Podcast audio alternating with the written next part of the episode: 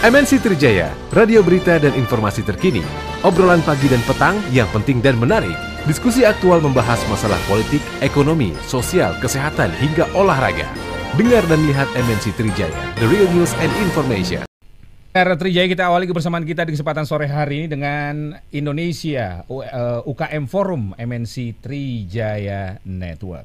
Dan untuk edisi hari ini kita akan bicara soal usaha kuliner nggak ada matinya. Jadi memang kalau soal kebutuhan makan ya, urusan perut nih, apa pun situasinya orang tetap harus makan. Dan inilah yang membuat usaha kuliner nggak ada matinya. Kita akan berbincang bersama narasumber yang berkompeten. Anda bisa ikutan ya di Opini Interaktif Trijaya kalau ada pertanyaan, tanggapan, komentar atau Anda mau tanya-tanya ya.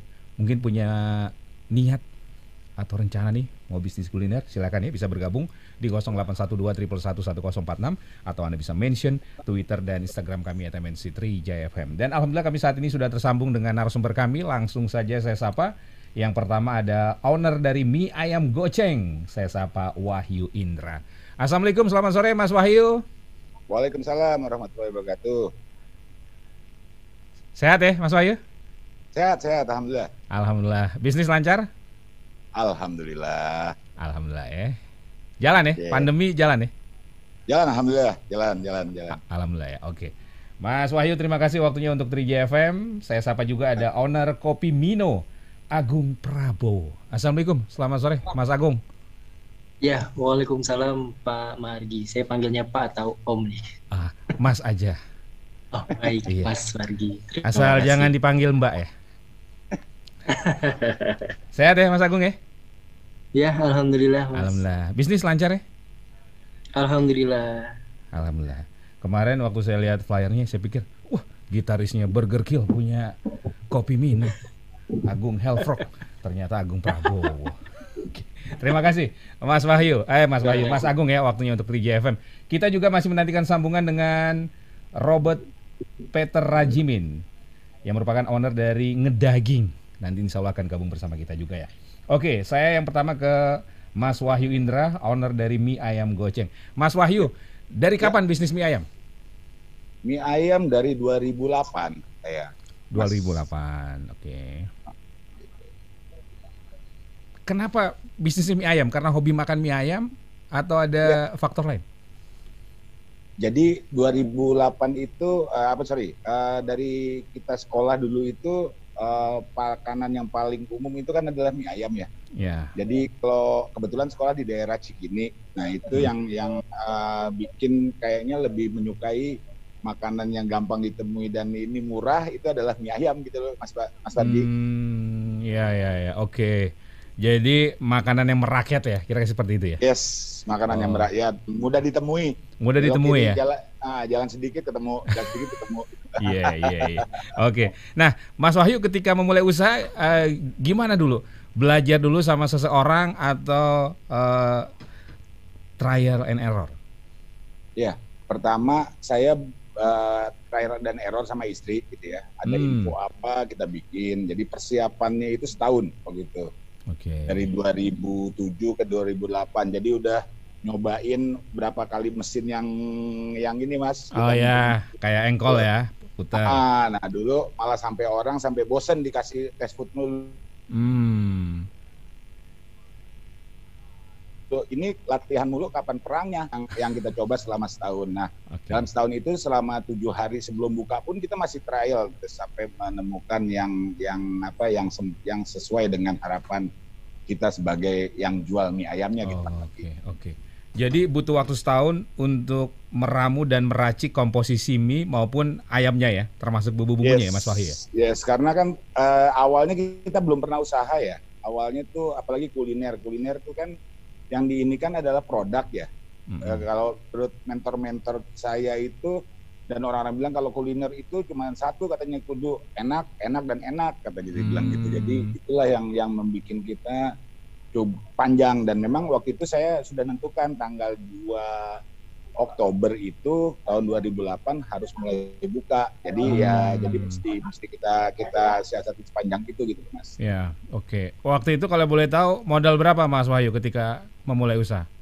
26 juta Mas. 26 juta ya. Ya. Oke. 26 juta sebagian besar itu untuk mesin karena juga uh, untuk menghasilkan produk yang ini kan uh, yang punya ciri khas itu harus bikin sendiri ya gitu loh. Jadi Hmm. teman-teman juga bilang kamu mau usaha mie ayam aja beli mesin gitu. Padahal kan ngambil di lain dulu bisa. Oke. Gitu. Itu sih sebenarnya supaya ada Oke. pembeda dengan yang lainnya. Oke. Jatuh bangunnya bagaimana bisnis mie ayam ini, Mas Wahyu?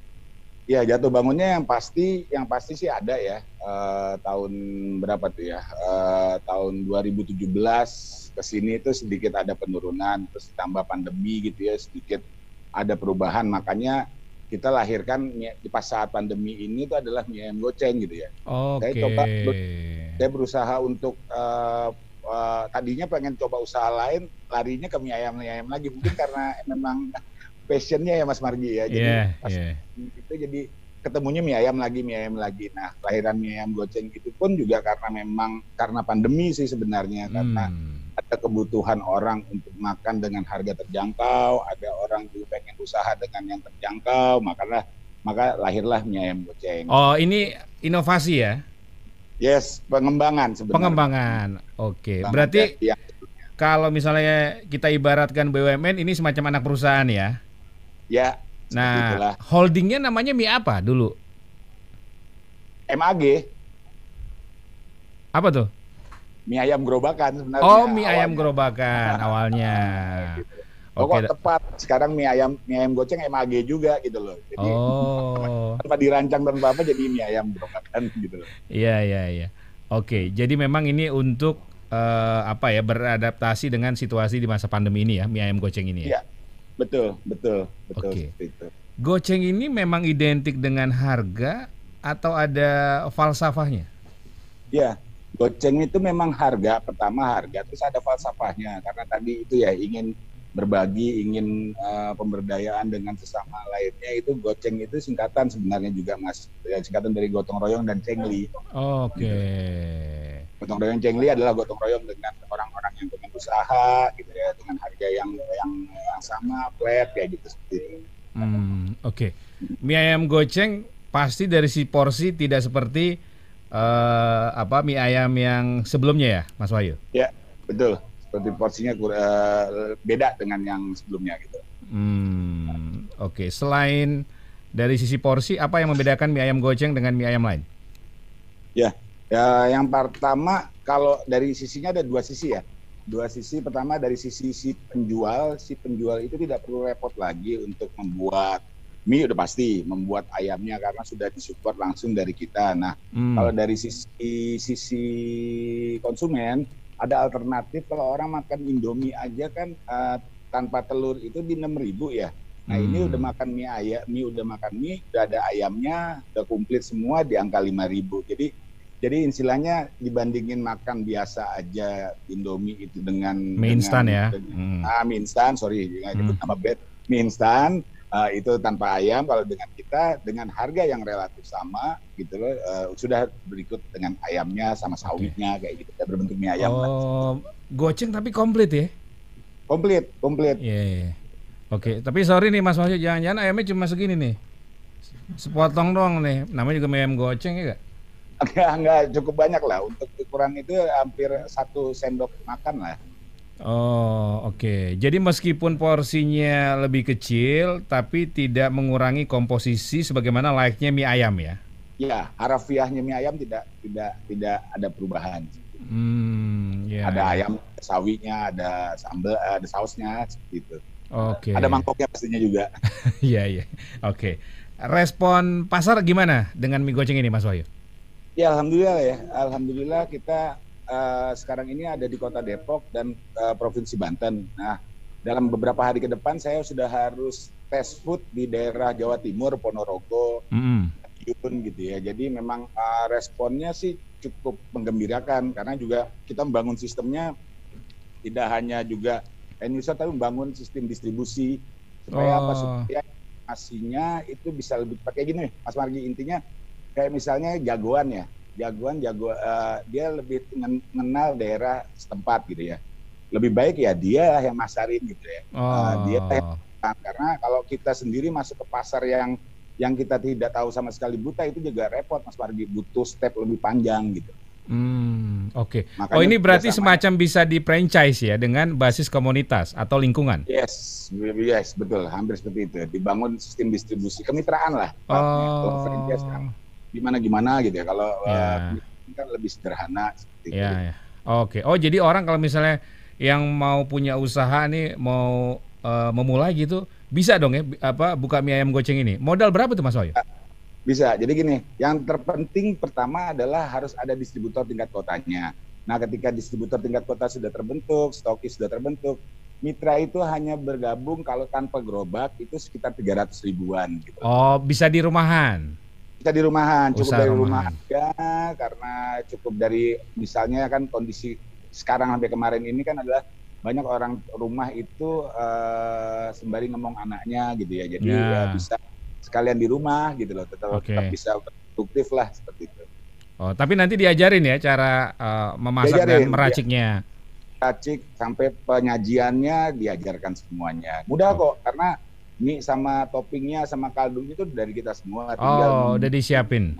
yes, tinggal bikin Oke. minyak ayam sama kecap asinnya aja. Oke. gitu yang perlu dibuat kalau sawi dan sambal saus kan tinggal beli gitu Iya, ya, iya. nanti dikasih tahu eh, eh, ininya apa mereknya apa dan lain. Sampai hari ini sudah berapa eh, membernya? kurang lebih 200-an Mas Margi 200-an ya. Oke. Jadi istilahnya apa nih? Partner atau apa nih? Kalau mie ayam goceng. Oh, mitra. Mitra. Oke. Mitra ya. Tersebar tadi di Ya. Depok dan Banten ya. ya bener badan Berarti baru berapa lama nih mie ayam goceng nih, Mas Wahyu? dari November 2020 ya November Ini.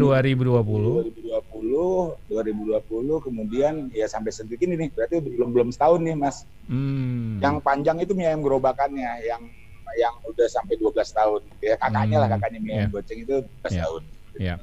Oke, Mas Wahyu, ini nyuwun sewu ya. Namanya mie ayam goceng, harganya 5.000 dengan komposisi yang lengkap sebagaimana layaknya mie ayam. Kalau ada yang nanya, ini oke Hmm. nggak nih secara kualitas, higienis nggak? Kok bisa sih mie ayam segitu harganya goceng 5.000? Iya.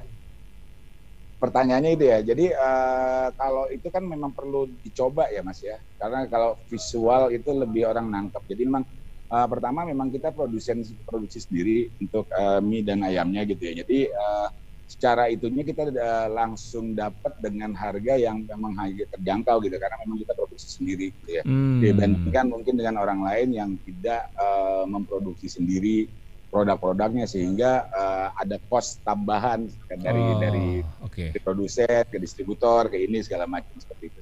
Oke, oke. Oh, jadi ini karena Mas Wahyu eh, apa? Sepertinya memang memulai dari hulu ya. Jadi Ya, betul, diproduksi mie-nya, ayamnya langsung dari produsen. Bukan Yes, belanja betul. ke pasar begitu. ya. Jadi dapat harga yang bagus. Bukan, bukan. Ya. Sehingga harga jual ke konsumen bisa relatif Terjangkau. lebih murah ya. Ya, bisa bisa dibagi-bagi lah buat distributor, buat stokis, buat mitra. gitu. Oh, iya. iya. Kalau jual goceng kira-kira profitnya di angka berapa persen nih Mas Wahyu kalau boleh tahu nih? 36 persen, 36 persen Mas Haji. Lumayan ya. Itu tingkat mitra ya. Iya, iya, tingkat iya. mitra 36 ribu. Tingkat stokis lebih lagi, tingkat distributor lebih lagi.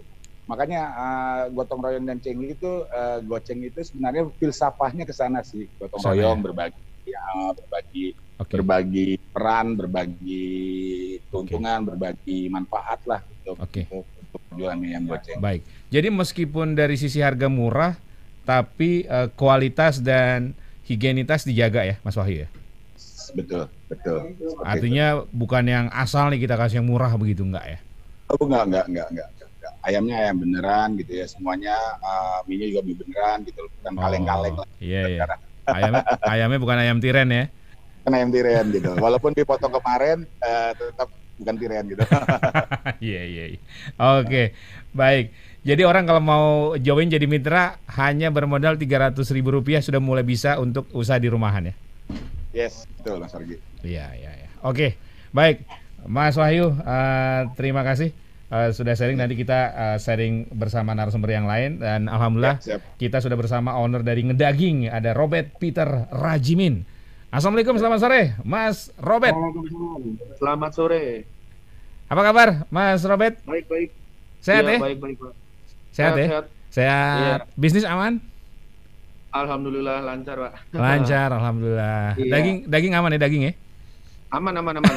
Iya, iya, Masih iya. banyak, Masih banyak stoknya, siap. masih Oke. banyak betul betul. Terima kasih Mas Robert. Sekarang saya ke Mas Iya, iya. Agung Prabowo dulu, owner dari Kopi Mino. Mas Agung dari kapan nih usaha atau bisnis Kopi Mino ini? Eh, kalau eksistensi Kopi Meno sendiri sih sejak tahun 2019 ya. Oh, Oke. Dulu kita produksi eh, kopi botol gitu. Awalnya kita rebranding kopi bubuk. Jadi ada punya temen roaster, Hmm, lalu kopinya kita branding dengan nama Kopi Mino. Oke. Dan eh, s- kalau untuk menjadi kedainya sendiri di tahun Jan, eh, 2021 Januari kemarin. Oh, oh justru buka kedai di saat pandemi. Iya. Oke. Ini nekat apa emang udah terlanjur? Antara nekat dan terlanjur kayaknya beda tipis ya. Beda tipis ya. iya iya oke. Jadi sebenarnya 2019 sudah mulai ya untuk uh, Iya. usaha resmi uh, resmi buka kedainya 2021 Januari kemarin berarti ya. Iya, betul. Di mana kedainya Mas? Di Bekasi Tambun Selatan. Bekasi Tambun Selatan ya. Oke. Mas Agung kenapa bisnis kopi? Hobi minum kopi atau apa? Ya, eh, jadi memang kita setiap malam tuh suka minum kopi. Hmm, Cuma masih kopi gunting gitu, Mas. kopi Jadi sampo, kopi Ya. sampo, kopi saset. Ya, kopi saset.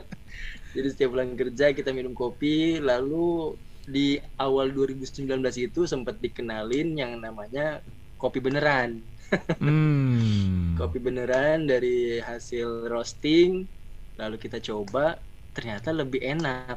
Ya udah dari situ kita mulai sering konsumsi kopi di setiap malamnya. Oke. Lama kelamaan tertarik eh nge-branding roasteran temen itu, ya udah kita nekat tuh belajar mengenal kopi, terus banyak nonton YouTube, Oke. terus cara jualan gimana kita belajar otodidak, ya udah akhirnya nyemplung lah di usaha kopi ini.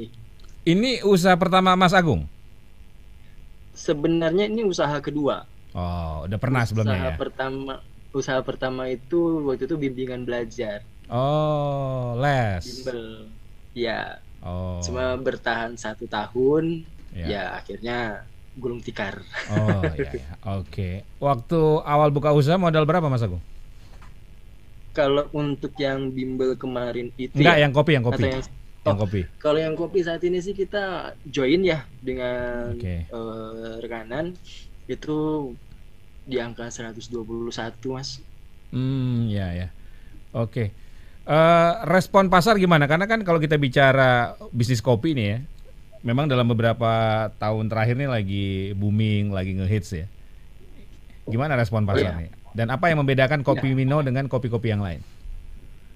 Kalau untuk respon pasar di sekitaran Tambun ya, itu memang cukup banyak eh, kedai-kedai kopi yang bermunculan. Mulai dari kedai kopi gerobakan sampai kedai kopi yang memang terkonsep kedai. Eh, artinya dengan bermunculannya banyak pesaing, responnya kita menganggapnya itu cukup baik. Hmm. Dan pembeda dengan kopi-kopi lain, di kopi Mino itu ada yang namanya kopi rempah, Mas. Oh, kopi rempah. Oke, Ya, nih saya barusan rempah. dikasih nih sama produser ya. Ini ya, yang ini ya. Ya, betul. Benar ya. Oh, ini yang masih bubuk. Itu bubuknya. Ini yang sudah cair. Itu Iya, betul. Ini Itu sampel aja nih. Kita di studio nggak boleh makan minum ya. Oke, Iya. baik. Rempah tuh maksudnya memang ada unsur rempahnya yang dominan atau sebagai pelengkap saja? Unsur rempahnya lebih dominan Oke. gitu. Jadi kita pakai beberapa racikan itu di situ ada ada 10 sari, cabai Jawa, lalu pala, cengkeh, kunyit juga ada di situ Oh, Oke, dan kopinya kita pakai kopi robusta. oke, baik. Apa khasiat dari kopi rempah ini?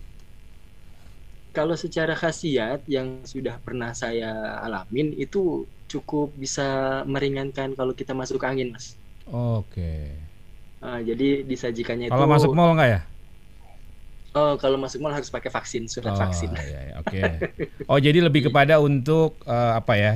Kebugaran, menjaga stamina semacam itu. Ya, kurang lebih begitu. Semacam itu. Dan itu lebih enak dicampur pakai madu minumnya. Oke, madu. Oke, mantap. Penasaran nih pengen kita coba nih, tapi di studio nggak boleh kita nih uh, makan minum ya.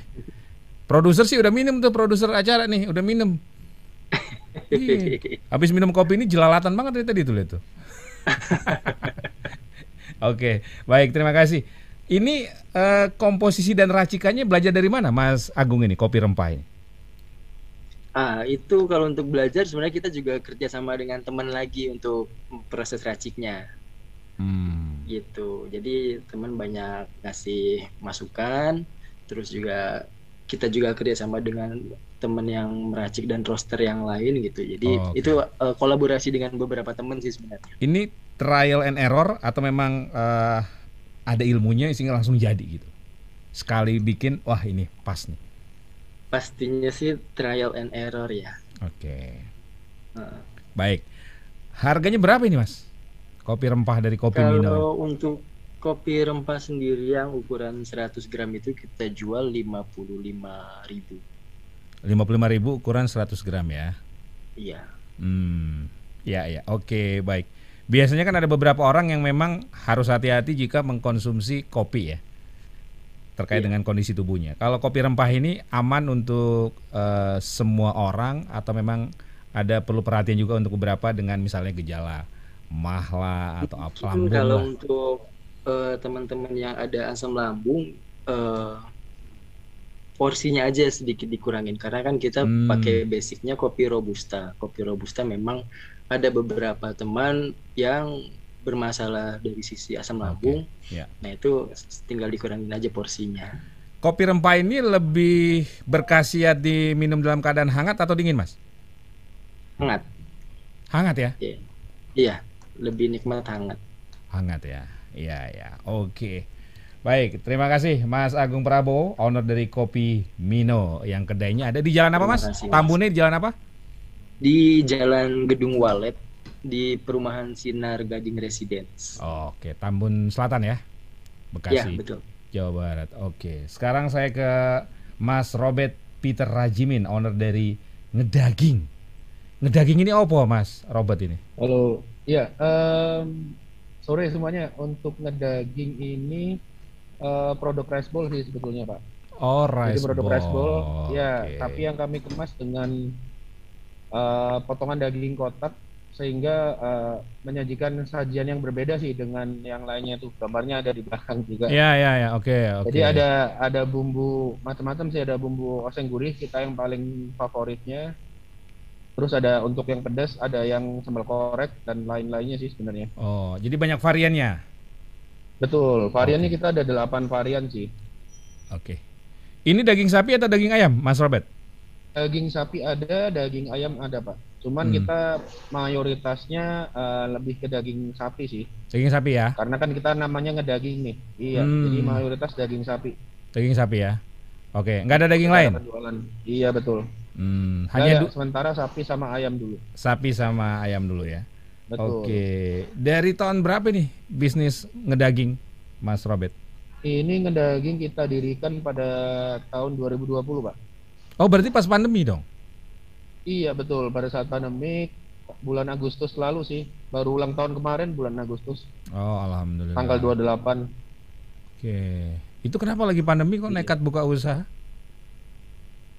um, karena kita punya ini sih dari dari perusahaan kita punya visi untuk membuka lapangan pekerjaan sebanyak mungkin sih pak. Luar biasa. Jadi uh, gimana caranya kita create satu produk yang bisa disukai banyak orang dengan harga yang terjangkau dan juga kalau bisa produk itu belum ada yang pernah jual sebenarnya. Hmm, Oke. Okay. Jadi akhirnya kita coba ciptain brand daging ini dan alhamdulillahnya sih jalan kencang ya. Hmm, Jadi pada saat pandemik ini justru uh, penjualan online sebetulnya kencang juga sih pak. Oke. Jadi banyak orang yang di rumah untuk makan keluar takut, akhirnya pesan okay. online-nya di okay. ojek online sih sebenarnya. Iya ya, oke. Jadi memang pandemi ini justru menjadi tantangan ya, Mas Robert ya. Betul. Hmm. Iya betul betul. Oke. Okay. Uh, eh, kedainya ada berapa? Kedainya untuk saat ini hampir 50 ya Pak ya. Oh, alhamdulillah. Jabodetabek atau iya. sudah ada di luar Jaka uh, luar Jawa? Jabodetabek ada, di Palembang, Riau, Surabaya, Gresik, Oke. Okay. Sama di Ambon sih paling jauh ya. Alhamdulillah. Oke, okay. brandnya ngedaging ya. Oke, okay, baik. Ya, Ini uh, produknya uh, semacam rice bowl tapi uh, variannya banyak ya. Atau ada ada uh, apa produk lain dari ngedaging ini?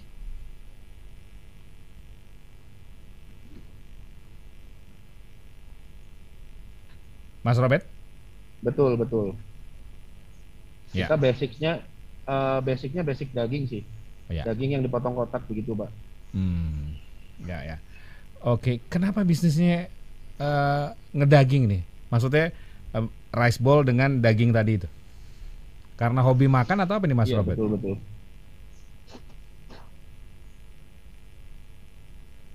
Uh, saya sebetulnya hobi jualan sih Pak, lebih ke hobi jualan. hobi jualan. Tapi kebetulan memang di bidangnya F&B kayaknya ya.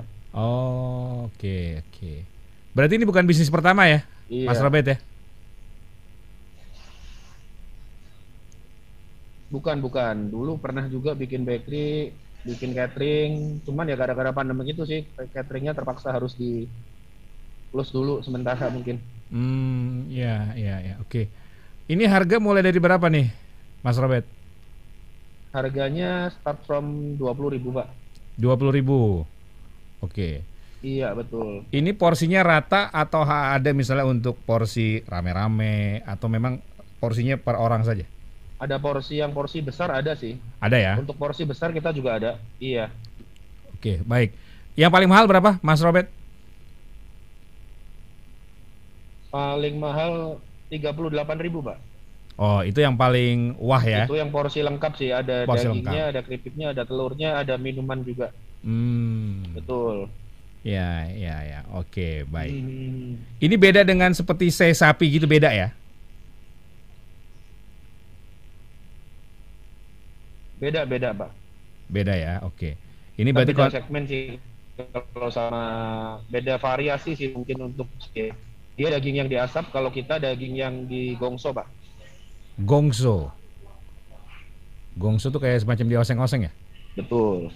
Oke, oke. Dan konsepnya seperti di rice bowl. sih kalau bahasa F&B-nya di flambe, Pak. Oh, iya. iya. Betul. Oke. Berarti kalau mendengar penjelasan Mas Robert tadi, respon pasar bagus dong ya, Mas Robert ya? Cukup cukup bagus sih Pak untuk rasa dan porsinya cukup diterima masyarakat sih. Hmm. Ya. Oke. Jadi memang apa pun situasinya memang benar ya bisnis kuliner tuh nggak ada matinya ya Mas Robert ya? Benar sih Pak. Menurut saya benar asal kita tahu cara mengemas produknya, tahu cara nembak marketnya seperti apa itu uh, bakal tahu sih untuk ritme uh, jalannya ya. di C7B bakal tahu sih ntar. Ya, oke, baik. Terima kasih Mas Robert, owner dari ya, Ngedaging. Ya. Sekarang saya ke Mas Wahyu Indra lagi nih, owner dari mie ayam goceng. Uh, Mas Wahyu, mie ayam goceng kedainya uh, ada di mana aja? Uh, di Depok ada beberapa titik, terus uh, di Banten, Tangsel juga ada, gitu. Seperti itu. Baru oh. di kota sama provinsi Banten ya, sampai ada di beberapa pesantren juga, gitu ya. Oke. Okay. Seperti itu. Iya ya, oke. Okay. Mas Wayu dan juga pendengar TJ ini info dari produser saya. Ini kan tadi uh, kita dikasih tester nih. Ini hmm. sebagian sudah dimakan oleh tim teknik dan juga tim redaksi dasar katanya rasanya. Alhamdulillah. Terima, Terima kasih, kasih Mas Wahyu. Jadi eh, apa mie ayam goceng katanya irit di kantong, mewah di lidah. Luar biasa. Wah, terima kasih, terima kasih reviewnya. Oke, okay. Mas Wahyu. Tapi memang benar ya kalau kita bicara tema kita nih, usaha kuliner memang itu nggak ada matinya ya. Ya meskipun tentu saja kan ada proses, ada jatuh bangunnya. Tapi memang ini bidang usaha mau apa pun kondisinya karena orang tetap harus makan ya.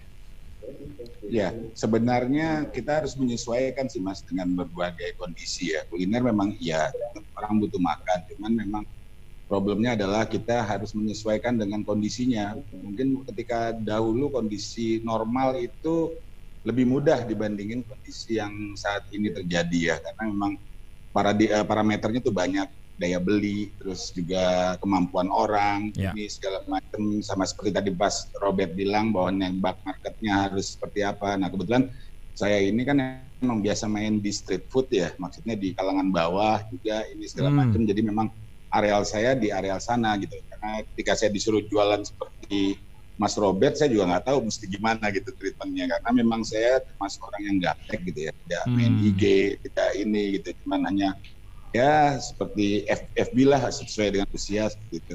Hmm ya oke okay. lalu untuk promosi apa yang dilakukan oleh Mas Wahyu untuk mie ayam goceng ini?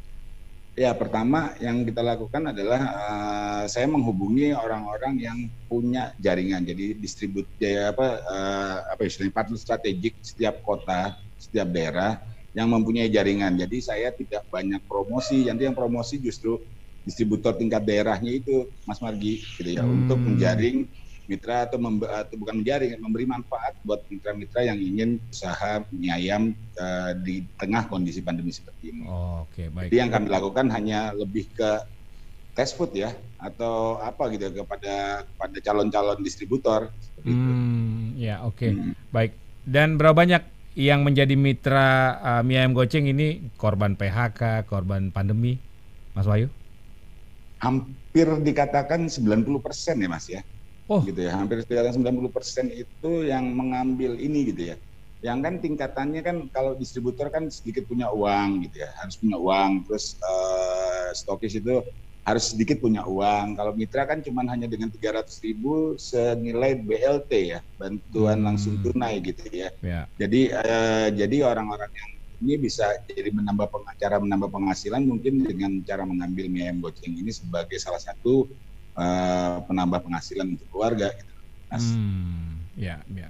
Oke, jadi memang uh, membawa manfaat sosial juga ya, Mas Wahyu ya. Yes, betul. Harapannya ya. seperti itu. Dan ya. di di tempat-tempat lain pun juga seperti di Ponorogo dan lain-lain juga minta seperti itu karena mereka juga ingin memberi manfaat buat orang lain ya memberi manfaat dengan orang lain melalui usaha usaha seperti apa gitu ya, ya akhirnya uh, ketemulah dengan saya gitu melalui jaringan akhirnya ya ini kita jalankan okay. cepatannya diambil dari situ sih mas berarti ini mau ekspansi ke Jawa Timur ya ya sembari motoran Mas Fargi ikut harusnya nih siap ini Mas Wahyu ternyata anak Vespa ya Anak Vespa ya, oke. Jadi motoran sambil cari pasar. Luar iya, biasa. Ya, Mas Wahyu, mie ayam itu kan tadi disinggung ya. Ini makanan rakyat banyak banget yang jual mie ayam. Nah, yes. bagaimana mie ayam goceng di luar tadi yang sudah dijelaskan ya, dari sisi harga, dari sisi rasa, uh, dari hmm. sisi genitas. Hmm. Apa strategi Mas Wahyu sehingga tetap mendapat tempat di pasar yang memang mungkin memang pasarnya luas, tapi pemainnya juga banyak. Yes. Ya, ya strateginya saya sih satu pasti ambil gitu tadi ya seperti bilang saya ngambil orang-orang yang benar-benar punya pengaruh atau punya jaringan di tingkat kota, tingkat hmm. kota atau wilayah. Nah itu akhirnya mereka yang menginformasikan mas. Kalau dari produk secara gimmick maupun secara penamaan itu sudah mencuri perhatian ya. Hmm. Cuman tinggal tinggal gimana mereka bisa masuk masuk sehingga orang bisa uh, punya usaha dan mencoba rasanya. Seperti hmm. itu sih hmm. mas, nggak ada nggak ada trik khusus lain seperti harus saya ngapain atau apain karena emang saya pengen bikin itu sesimpel mungkin, semudah hmm. mungkin dan sebanyak mungkin gitu. Hmm, Oke, okay. artinya artinya semua orang bisa untuk memulai usaha mie ayam goceng ini ya. Tidak yes. tidak harus punya skill ini, tidak harus punya tidak background harus, ini. Tidak oh. harus karena memang mudah. Tinggal istilahnya kalau di kita tuh tinggal rebus-rebus dan hangatkan udah seperti oh, itu. Oh iya iya, apalagi pasukan mie instan pasti bisa ya bisnis yes. ini ya. Bisa ya, banget. Bisa banget ya. Oke, terima kasih Mas Wahyu, owner dari Mie Goceng. Sekarang saya ke uh, Mas Agung lagi, owner dari Kopi Mino. Uh, Mas Agung, apa strategi dan upaya dari Kopi Mino ya untuk menghadapi pasar, apalagi kita bicara kopi tadi ya, ngehits banget, banyak banget di mana-mana. Apa yang dilakukan oleh uh, Kopi Mino untuk tetap bertahan dan mendapatkan tempat nih di uh, pasar perkopian? Ya, uh, kalau yang saat ini kita lakukan itu adalah mendekati beberapa komunitas untuk kita undang istilahnya nongkrong di kedai kopi kita gitu mas. Hmm. itu yang salah satu kita lakukan. Dan alhamdulillah uh, di setiap weekendnya komunitas-komunitas mobil komunitas motor uh, itu sering obdar kecil-kecilan di tempat kita. Oke. Okay dan kita juga mempunyai promo. Promonya itu diskon uh, cup kita kan itu kan menggunakan cup yang bisa digunakan kembali. Oke. Okay. Jadi kalau ada pembeli kita membeli dengan membawa cup kita datang ke kedai, itu bisa dapat potongan diskon 10%. Hmm. Gitu. Dan yeah. juga saat ini kita juga uh, baru buka yang namanya kopi Mino Mini. Itu di pom bensin di, di sekitaran Tambun Selatan. Hmm. Dan itu juga salah satu cara kita supaya bisa lebih dekat dengan uh, masyarakat, lebih dekat dengan pasar juga. Hmm, ya. Oke. Mino itu artinya apa? Atau ada ada maknanya nggak Mino ini? Jadi sejarahnya dulu Mino itu pengen jadi warkop. Namanya warkop Mino. Mi cappuccino. Oh, dari situ. Mi cappuccino. Dan pada saat dulu kita mau buka warkop terpentok modal, akhirnya kita jual kopi bubuk dalam bentuk pouch dan juga kopi botol. Hmm. Nah, perkembangannya akhirnya uh, kita mengambil filosofi dari mie dan cappuccino ini. Mie itu kan memang seperti yang dibilang Pak Wahyu, makanan yang familiar untuk yeah. masyarakat Indonesia dan hampir di setiap tikungan pasti ada tukang mie. Iya, yeah, yeah. Gitu. Nah, hmm. akhirnya kita coba pakai filosofi itu hmm. supaya Mino ini bisa diterima seluruh elemen masyarakat dan juga cappuccino merupakan minuman varian kopi yang juga sangat umum yeah, yeah. yang di tengah masyarakat. Okay. Jadi dengan harapan kehadiran Mino itu bisa mudah diterima dan dinikmati oleh masyarakat. Yeah. Itu sih, Mas. Okay. Uh, selain uh, kopi rempah ada varian apa lagi dari kopi Mino nih produknya? Uh, single origin kita juga ada dari Papua Wamena. Oke. Okay. Lalu uh, untuk beberapa varian kopi latte-nya yang menggunakan simple sirup kita juga ada. Yang lebih khusus lagi untuk uh, kopi gula aren kita itu kopi susu gula aren ya. Yeah. Itu kita menambahkan uh, daun pandan di gulanya. Oh. Jadi sehingga ya. ketika ya. kita minum tidak hanya ada kesan gula arennya tapi juga ya. ada aroma pandannya. Ya, ya, oke. Baik. Ini kopinya dari mana, Mas? Dan apakah ada semacam kemitraan dengan ya petani atau komunitas petani kopi tertentu begitu atau memang ya. masih mengambil dari distributor ini? Sebagian kita ambil dari distributor, sebagian kita juga ngambil dari petani di Jonggol mas jadi kita punya yang namanya itu kopi Jonggol oh suka makmur Ya sekitaran situ. Jadi kan hmm. kan Bekasi kan tidak punya kebun kopi. Yeah, yang yeah, terdekat yeah. dengan Bekasi Jonggol. Jadi yeah. akhirnya kita ambil dari Jonggol. Ya ya. Oke, baik. Terima kasih. Yang paling mahal harga berapa, Mas Agung, kopinya? Kopi kita paling mahal itu dua puluh tiga ribu, Mas. Dua puluh tiga ribu. Oke. Okay. Cemilan-cemilan ada ya? Ada ada ada cemilan tradisional nggak yang disajikan di kedai kopi Mino ini? Kalau untuk cemilan tradisional sih nggak ada ya. Nggak ada ya. Cuma kita juga ada makanan berat seperti soto Betawi juga kita ada. Hmm, ya ya. Oke, terima kasih uh, Mas Agung. Saya ke Mas Robert lagi nih. Uh, Mas Robert, ini kan ya, makanan okay. yang ya. basicnya ya. nasi banyak banget lah ya.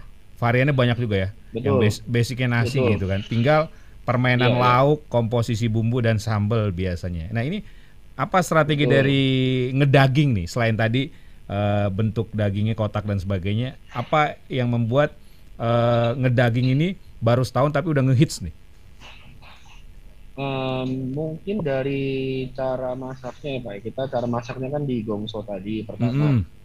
Kedua kita uh, benar-benar menyajikannya dengan bumbu-bumbu Indonesia sih. Mm. Seperti sambal mata kan dari Bali. Ya. Yeah kayak bumbu rendang kita dari Padang, cabai hijau juga dari Padang. Jadi kita lebih ngangkat ke bumbu-bumbu Nusantara sebetulnya, Pak. Oh, Oke. Okay. Jadi kita padukan bumbu Nusantara dengan nasi yang premium, uh, ditambahkan dengan daging kotak yang kita gongso, sehingga pada saat makan tuh kerasa ada uh, smoky-smokinya gitu, Pak. Hmm. Jadi kita lebih concernnya ke yeah. sensasi makan yang berbeda. Hmm. Ditambah dengan keripik pangsit yang kriuk, jadinya ada pecah lah pokoknya di mulut jadi uh, udah ada nasinya ada iya. dagingnya yeah. Yeah, yang berbalur dengan yeah. bumbu Indonesia yang pasti orang Indonesia semua suka yeah. dan juga kriuknya keripik pangsit yang kita olah secara bagus sih pak nasi premium maksudnya apa nasi premium maksudnya Nasinya, apa kita pakai nasi yang kualitas premium sih pak. Oh iya iya. Tapi tetap nasi putih ya, ya. kan mungkin saya pikir nasi merah. Saya pikir nasi enggak, merah enggak, atau apa gitu enggak ya? Oh enggak enggak pak. Oh oke. Okay. Jadi itu menjadi salah satu pembeda juga ya nasi apa berasnya beras uh, premium ya? Betul betul betul. Iya oke okay, oke okay, oke. Okay. Mas Robert tadi dijelaskan ini memang uh, hmm. bumbu-bumbu Nusantara. Tapi untuk ngedaging ini ada resep leluhur atau tadi coba-coba ah bikin bikin bikin sampai ketemu kita uh, sistemnya lebih kita cari satu benchmark sih pak kita ada benchmark untuk bumbu gurihnya Indonesia itu seperti apa sih yang bagus hmm. nah kita coba uh, cari itu kita setelah ketemu kita coba amatin bumbunya seperti apa sih kondimennya seperti apa terus kita modifikasi dikit baru kita launchingin sih pak hmm. jadi kita udah ada benchmarknya terlebih dulu dari misalnya nih kita cari bumbu padang yang paling enak di sini Nah, itu kita coba pelajarin, kita coba bikin, kita coba terapin juga. Sebenarnya hmm. untuk cita rasa terbaik ya kita caranya seperti itu sih. Hmm, ya. Baik. Ada kekhawatiran nggak? Ini kan uh, tadi saya bilang ya, uh, bisnis kuliner banyak banget, apalagi yang basicnya nasi ya. Betul. Uh, ada kekhawatiran nggak? Mungkin suatu saat orang bosen gitu kan? Apa apalah gitu? Ya. Apa nih uh, strategi dari daging? Ya, untuk kekhawatiran sebenarnya pasti ada lah Pak ya. Jadi untuk strategi dari kita sih pastinya kita bakal inovasi terus untuk okay, inovasi. dari segi bumbu, dari segi kondimen di dalamnya, dari segi teknik penjualannya. Intinya sih kalau di bisnis F&B mungkin gimana caranya orang mencoba dulu sih Pak. Itu yang paling susah menurut saya ya. Hmm. Jadi kalau orang udah mencoba dan merasa itu cocok, itu enak, mereka bakal beli lagi dan beli lagi sih. Yeah. Tapi kalau mereka mencoba aja susah, maksudnya kita untuk bikin orang mencoba itu susah juga hmm. Eh, nggak hmm. uh, bakal ada yang coba dan nggak bakal ada yang beli sih pak. Ya, ya. Jadi kita juga sering ikut uh, sering ikut promo-promo di ojek online. Oh, Oke. Okay. Kita juga sering bikin promo sendiri. Ya. Misalnya okay. kayak follow Instagram kita, hmm Terus like, komen, tag tiga temannya mereka di Instagram itu juga bakal yeah. kita kasih free sesuatu lah untuk okay, baik. customer sebetulnya pak. Oke, okay. jadi istilahnya tak kenal maka tak sayang ya, harus kenal dulu betul. termasuk kenal rasa, kenal betul. bumbu dan sebagainya. Varian betul, apa yang betul, paling betul. favorit, Mas Robert? Paling favorit di ngedaging kita ini oseng-oseng gurih pak. Oseng-oseng gurih. Oseng-oseng gurih, betul. Hmm, oke, okay. baik. Itu pasti lebih gurih ya. Betul. Hmm. Paling gurih, paling enak yang oseng-oseng gurih sih, Pak. Oke, oke. Baik. Sebagian besar konsumennya dewasa, remaja atau mix? Untuk sebagian besar konsumen sebetulnya lebih ke dewasa sih, Pak ya. Cuman hmm. uh, untuk siapa yang makan itu bisa jadi untuk anaknya, bisa jadi untuk orang tuanya, bisa jadi untuk dia sendirinya juga. Ya. Jadi lebih ke mix secara konsumen yang makan sih, Pak. Ya. Cuman okay. secara pembeli yang pasti uh, dewasa semua sih. Ya. Oke, saya sapa dulu pendengar Trijaya ya yang sudah ikutan nih ada Pak Alvaret Pasaribu, Bung Margi. Itu tadi nanya mie ayam goceng, ayamnya cuma segini bikin kita jadi ketawa katanya. Oke, terima kasih. Ada Pak Daswan, selamat sore Pak Daswan. Uh, kalau saya mau buka di Parung Panjang bisa nggak Mas? Gimana cara bermitra? Dan kalau bisa saya minta kontaknya mie ayam goceng. Oke nanti diminta ya ke Mas Wahyu ya. Pak Daswan terima kasih. Uh, kemudian saya sapa ada Pak Tanto. Apakah ada pendampingan dari pemerintah atau instansi terkait? Kemudian ada Pak Ridwan. Selamat sore Pak Ridwan. Pak Ridwan bilang ini orang-orang hebat semua. Pelaku UMKM yang keren banget top. Mitranya bisa puluhan bahkan ratusan. Keren UMKM nggak ada matinya. Ada Pak Yuda. Domisili saya di Semarang. Mau mitra dengan mie ayam goceng. Gimana sih caranya? Oke, baik. Itu ya. Yang dari pendengar Tijaya mungkin direspon karena ini banyak untuk uh, mie ayam goceng. Mas Wahyu dulu, silakan.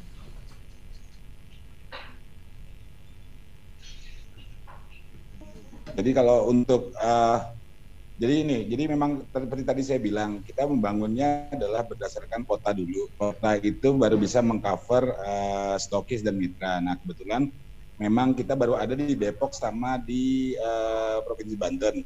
Uh, tapi uh, karena ada kemungkinan saya touring ke Jawa Tengah, Jawa Timur, mungkin nanti kita akan bikinkan test food dulu ya untuk menjaring distributor. Jadi pada dasarnya bisa aja selama itu sudah ada terbangun distributor sama pun stokisnya. Karena apa? Kenapa kok uh, kita bangun seperti itu? Memudahkan distribusinya sehingga ketika memudahkan distribusinya cost distribusinya jadi murah, nggak hmm. seperti satuan kayak misalnya contoh uh, kita hanya satu misalnya di either ke Jogja pun itu kan butuh kos walaupun pengiriman murahnya melalui yeah. kereta atau numpang bus gitu ya uh, itu murah cuman kan uh, tetap skalanya jadi kecil dan ada kos tapi kalau misalnya kita bisa satu truk atau apa pun itu kan jadi lebih murah kepotongnya lebih banyak gitu loh hmm. itu sih sebenarnya uh, kenapa kok kita yeah bangunnya berdasarkan uh, per kota. Jadi kayak ini loh Mas Margi, kayak uh, obat nyamuk gitu. Jadi uh, dari kecil melebar, melebar, ada itu seperti itu. Nah, melebarnya obat nyamuknya itu kita taruh di setiap kota atau ya. kabupaten. Ya. Seperti itu sih Mas Margi. Oke, terima Jadi kasih. pada dasarnya bisa bisa aja gitu. Ya, oke. Nanti uh, Pak Yuda dan juga Pak Daswan bisa komunikasi langsung dengan Mas Wahyu ya bagaimana teknisnya ya. uh, jika ingin ya. uh, bermitra dengan mie ayam uh, goceng saya ke Mas Agung nih. Mas Agung tadi ada pertanyaan, ada pendampingan nggak dari pemerintah atau instansi terkait?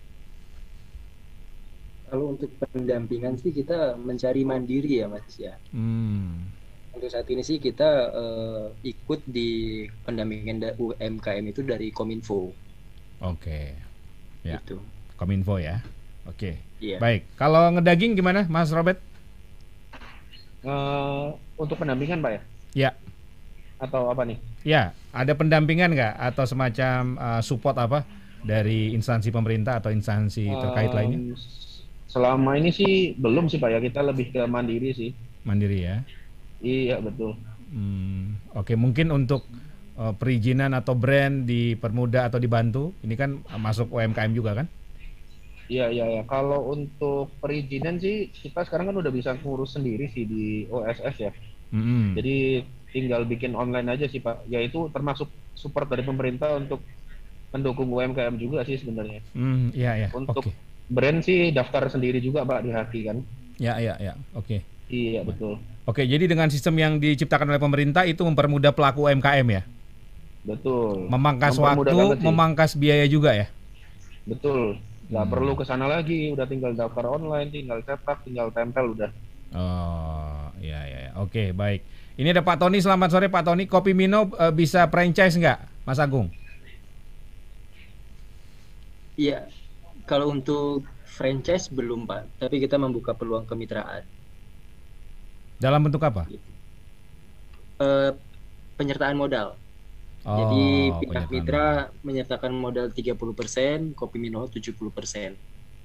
Jadi metode kerjasama itu sistem syirkah. Hmm. Gitu. Iya ya saya oh, aja apaan tuh sirka belum minum kopi soalnya belum minum kopi ini belum minum kopi ini. Tolong dijelaskan sirka itu apa uh, kalau untuk sirka sendiri yang saya pahami seperti yang tadi saya bilang itu adalah kerjasama bisnis dengan sistem penyertaan modal dengan kesepakatan kedua belah pihak si A modalnya berapa, si B modalnya berapa. Nanti pembagian bagi hasilnya juga sesuai dengan prosentase yang modal itu disertakan. Seperti itu, Pak, kurang lebih. Hmm, ya ya, oke. Ini maksudnya nanti untuk kedai baru, untuk titik baru. Ya, betul. Hmm, oke. Baik. Kalau ngedaging, Mas Robert, franchise kah? Iya. Iya sih kita terima franchise Pak kalau ngedaging. Terima ya? Iya, okay. betul. Itu modal dari berapa kalau misalnya ada yang minat mau buka nih, Mas Robert? Untuk modalnya uh, total sekitar 200 juta lah, Pak ya. 200 juta ya. Untuk oh. modal itunya awal. Franchise itu ya. Di luar tempat. Betul. Di luar tempat ya. Uh, itu peralatan sama renovasi sih di luar tempat Mas Yanto. Luar tempat ya. Ya. Oke. Okay. Baik. Ini sudah hampir satu jam. Kita ingin ada semacam benang merah dari obrolan yang semoga membawa manfaat dan maslahat ya untuk uh, banyak orang. Usaha kuliner nggak ada matinya. Dari Mas Agung dulu. Monggo Mas Agung ada uh, pengalaman apa yang ingin di-sharing? Ada pesan apa bagi pendengar TJ yang mungkin ingin usaha kuliner ya? Dari pengalaman Mas uh, Agung bisnis kopi Mino. Silakan Mas. Iya. Yeah.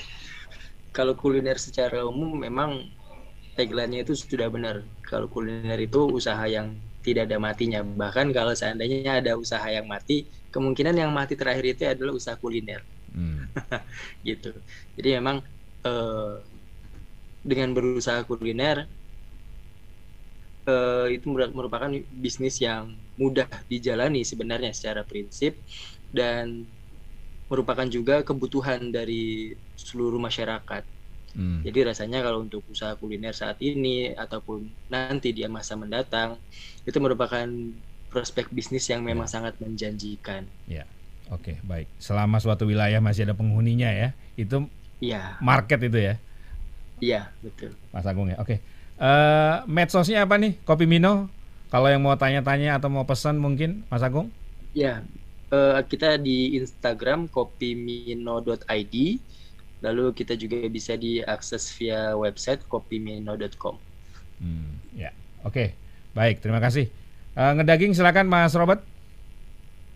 Oke, um, kalau dari saya itu sih Pak sama seperti yang tadi saya bilang untuk bisnis F&B memang nggak akan pernah mati ya, karena setiap orang juga butuh makan.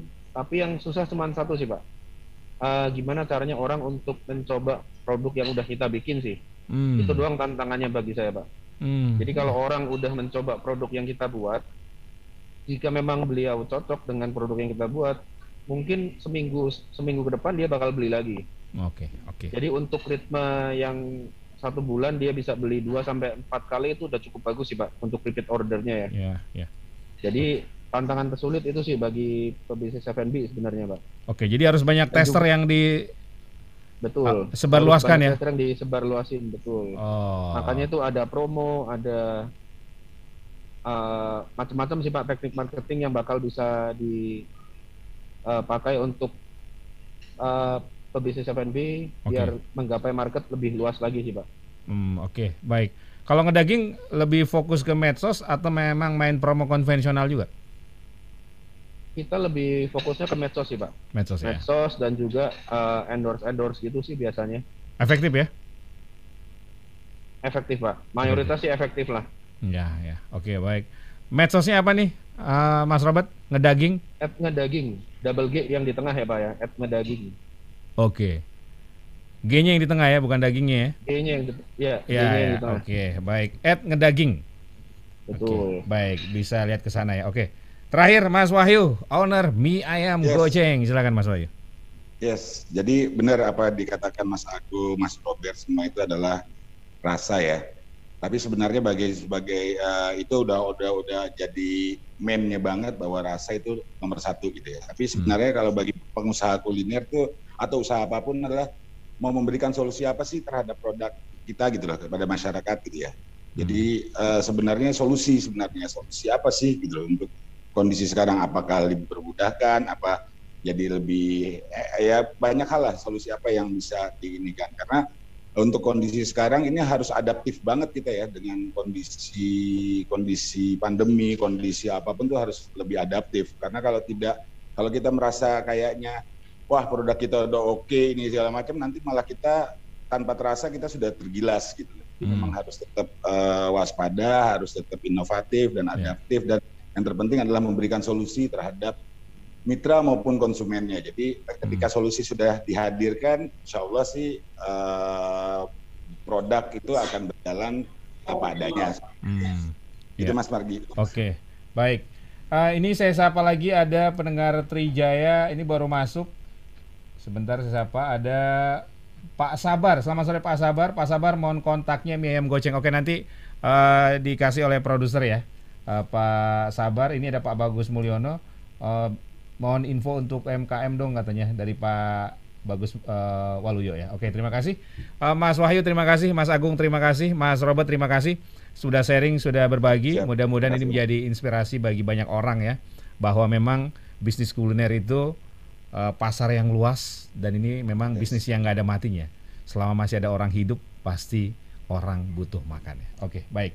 Mas Robert sekali lagi terima kasih sukses untuk usahanya. Uh, Barokah, Mas Agung juga terima kasih, Mas Wahyu juga terima kasih. Selamat sore, salam sehat. Assalamualaikum. Waalaikumsalam warahmatullahi wabarakatuh. Demikian pendengar Trijaya, perbincangan kita di Indonesia UMKM Forum MNC Trijaya dengan tema usaha kuliner nggak ada matinya bersama Mas Wahyu Indra, owner dari Mie Ayam Goceng, ada Mas Agung Prabowo, owner dari Kopi Mino, dan juga Mas uh, Robert Peter Rajimin ya, owner dari Ngedaging. Terima kasih kepada Anda yang sudah ikutan ya. Semoga bermanfaat dan kita lanjut lagi di Trijaya Hot Topic petang. MNC Trijaya, radio berita dan informasi terkini. Obrolan pagi dan petang yang penting dan menarik. Diskusi aktual membahas masalah politik, ekonomi, sosial, kesehatan, hingga olahraga. Dengar dan lihat MNC Trijaya, the real news and information.